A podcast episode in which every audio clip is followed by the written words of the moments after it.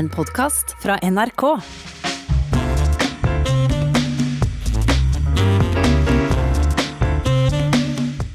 Da er Ann Stefansen kommet i studio. Velkommen. Tusen takk.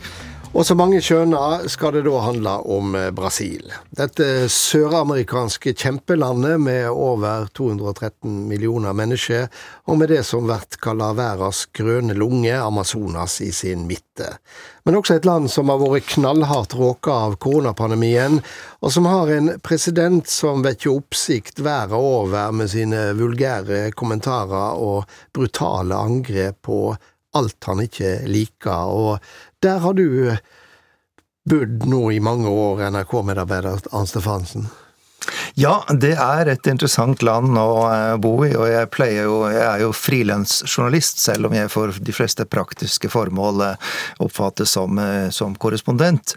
Og jeg pleier å si litt, eller ikke bare litt, men i spøk, at for en frilanser så er det jo bra å ha en president som Bolsonaro, som hele tiden forarger og sjokkerer og skaper nyheter. Men for brasilianerne er det jo veldig krevende.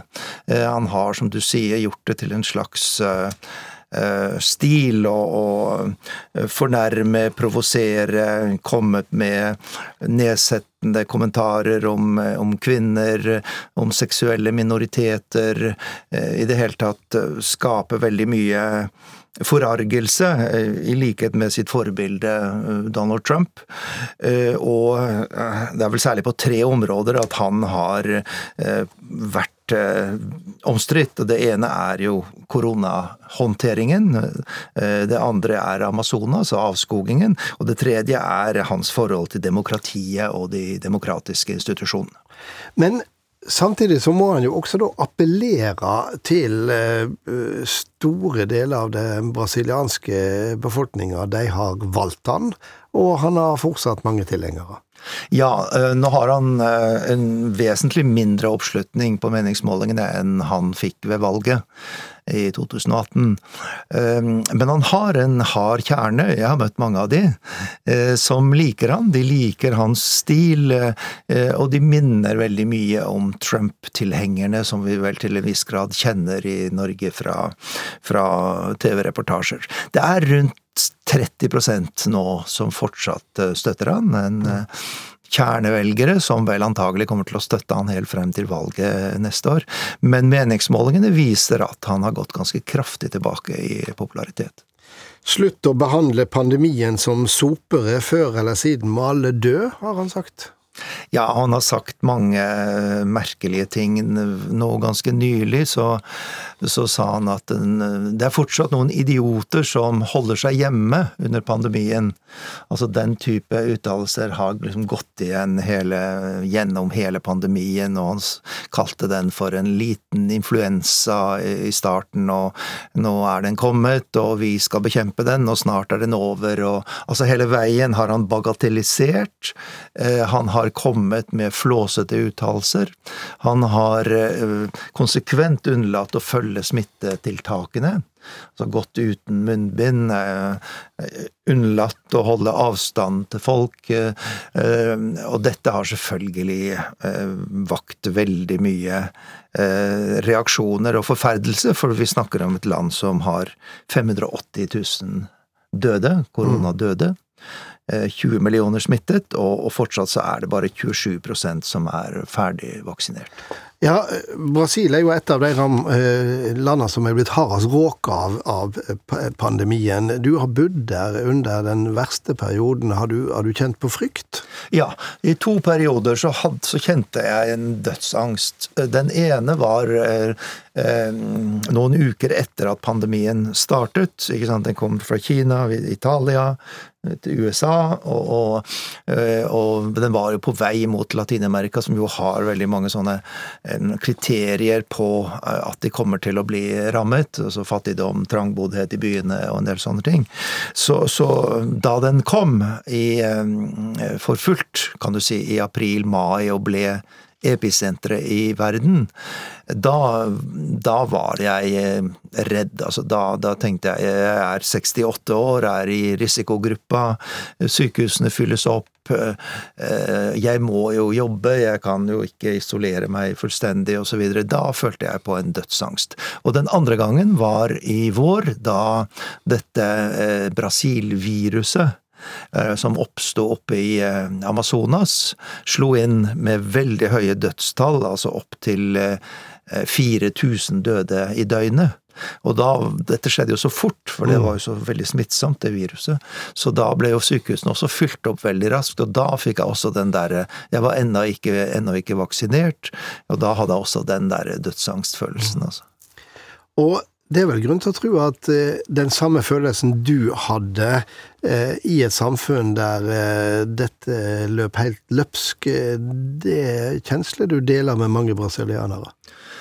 Selvfølgelig. Det har jo vært en forferdelig tid for uh, veldig, veldig mange familier. Og det er jo knapt nok en, en familie i Brasil som ikke uh, i hvert fall kjenner noen som har dødd, eller enten har det i familien, nære eh, familiemedlemmer osv. Så, videre. så det har jo rammet det brasilianske samfunnet voldsomt sterkt, og vært en sånt, eh, sånn uhyggestemning hele tiden siden dette slo inn for fullt i mai i fjor. og Nå har jeg vært, jeg har vært der på de siste par mm. månedene, men, men det begynner vel sånn langsomt å, å slippe taket, men det er en veldig uhygge fortsatt.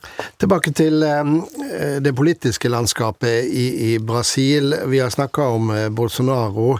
Her i Norge så er det vel bare ei, et annet brasiliansk politikernavn vi kan, og det er Eh, Lula, som, som, var president. Eh, det er litt av noe ytterkanter der, eh, for Lola ble jo framstilt som nærmest en sosialdemokratisk helt, mens Bolsonaro tilhører det høyrepopulistiske beitet av politikere på hver scene. Kjennetegner disse ytterkantene også Brasil? Ja, absolutt. Det er jo et klassesamfunn, et brutalt eh, klassesamfunn, eh, med noen av de største forskjellene, sosiale forskjellene i, i verden. Og det er klart at eh, Lola fra, fra Arbeidernes parti, som det heter. Han appellerte jo eh, til, eh, til de, de, fattige, men også til en, en del av middelklassen som, som, hadde denne sosiale samvittigheten, at, at eh, de var ja, harme over urettferdigheten som de, som de, så, men også flaue på vegne av Brasil. Kommer til utlandet, så skal du liksom forsvare denne mm. uretten og sånn. Så det var på en måte hans uh, store Eh, velger, hans velgermasse. Og etter hvert så, så, så, var det også stadig flere fattige som sluttet opp om ham da han satte i gang disse store eh, sosialprosjektene, altså inntektsoverføring, som var noe av det største i, i verden. Altså. Neste år er det valg, og det har jo vært spekulert i om Bolsonaro vil ta en eh, Trump-variant og nekte å godta et valgresultat som går han imot. Ja, det har vært en diskusjon absolutt hele veien, og eh, nylig, så, altså i forrige måned, så eh, iverksatte han en, en militærparade i hovedstaden Brasilia som har vakt voldsom eh, Ja, For han er offiser opprinnelig? Ja, han er kaptein. Nådde aldri særlig langt i sin karriere, men veldig opptatt av å både være kompis med de militære, og også opptatt av å eh, eh rekruttere. Eh, det har aldri vært så, så mange eh, militære i det, den brasilianske regjering og, statsapparat som det er, som det er nå. Eh, så, så, han er veldig veldig opptatt av dette militæret, og, og, som sagt eh, hadde en sånn eh, parade eh, i forrige måned med stridsvogner gjennom hovedstaden for å eh, markere styrke, og det har jo ført til at man har kalt Brasil for en bananrepublikk, og hva, eh, hva er dette? Så det er en sånn frykt. Eh, også en diskusjon om, om valgsystemet, altså skal man bruke trykte stemmesedler eller elektronisk? en svær diskusjon som Bolsonaro satte i gang. Eh, for, han hevder altså det er for å unngå juks, men andre sier jo at dette er for å ha en, et påskudd dersom han, han taper, at det, det, det, det, blir jukset. Og da snakker man om å ta en Trump, og det er en stor diskusjon i, i Brasil kontinuerlig. Du skal tilbake til eh, Rio de Janeiro om, om få, uker, eh, og det aner meg at du får eh, nok å rapportere om. Vi får ønske deg god tur, og så ser vi frem til rapportene dine, Arnt Stefansen. Og tusen takk for at du ville være med her i Stanghelle på fredag. Og så runder jeg av med min faste kommentar. Her er denne vekas Stang inn, stang ut. Det hadde vært fint å finne et annet tema for denne epistelen enn den afghanske tragedien vi i disse dager ser utspille seg. Men slik blir det nok ikke, for det som skjer der er så overskyggende i all si gru at det krever vår oppmerksomhet.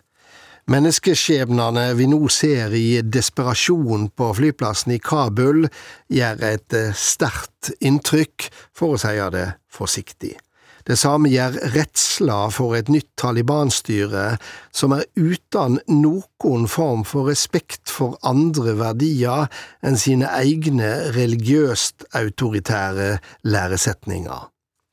Å sjå et vestleg støtta regime der presidenten stikker av uten å si fra til noen, og der resten av regjeringsapparatet og eh, Forsvaret faller sammen som et korthus, ja, det er sterk kost. For det er dette som er resultatet etter 20 år med enorm innsats fra USA og NATO i dette asiatiske fjellandet. Mange liv er tapt, ikke minst afghanske, milliarder på milliarder er brukt, og det ene politiske målet etter det andre er sett, for så å gjeve opp. Etter alt dette er Afghanistan tilbake der det hele starta, med Taliban ved makta i Kabul. Skarpskodde analytikere diskuterer nå hva dette vil ha å si for USAs autoritet i verden. Jeg er like opptatt av hvordan vi i så mange år er ført bak lyset av politikere som har ville ha oss til å tro at det har gått framover i Afghanistan, at statsbygginga har vært lovende, og at afghanerne snart sjøl kunne bygge både samfunn og tryggleik. Så viste det seg at alt dette var bygd på rein ønsketenkning, eller verre, det var en bløff for nå veit vi fasiten, det afghanske regimet kollapsa totalt når det ikke lenger hadde vestlig militær støtte til stades. Seinere i dag landa det siste norske flyet fra Kabul. For gårsdagens terroraksjon på flyplassen har fått også den norske regjeringa til å stoppe evakueringa. Derfor forelegg er vurderinga. Slik ser vi enda en gang at terror skaper en type frykt som igjen styrer handlinga, og slik påvirker livet til mange mennesker. Kanskje de som nå nærmer seg Gardermoen kjenner lette over å være på vei bort fra Talibans Afghanistan. Kanskje de kjenner sorg over det de forlet, og kanskje tankene går til det store, store flertallet av afghanere som er dømt til å leve under det nye styret. For de verre er det nok sannsynlig at skjebna til afghanerne langt på vei etter hvert vil verte ei gløymd sak. Jeg kan ta feil, og i håp om at jeg gjør nettopp det, så er det tid for å ønske ei god helg.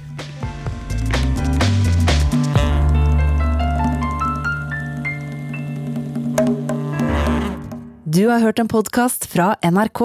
Hør flere podkaster og din NRK-kanal i appen NRK Radio.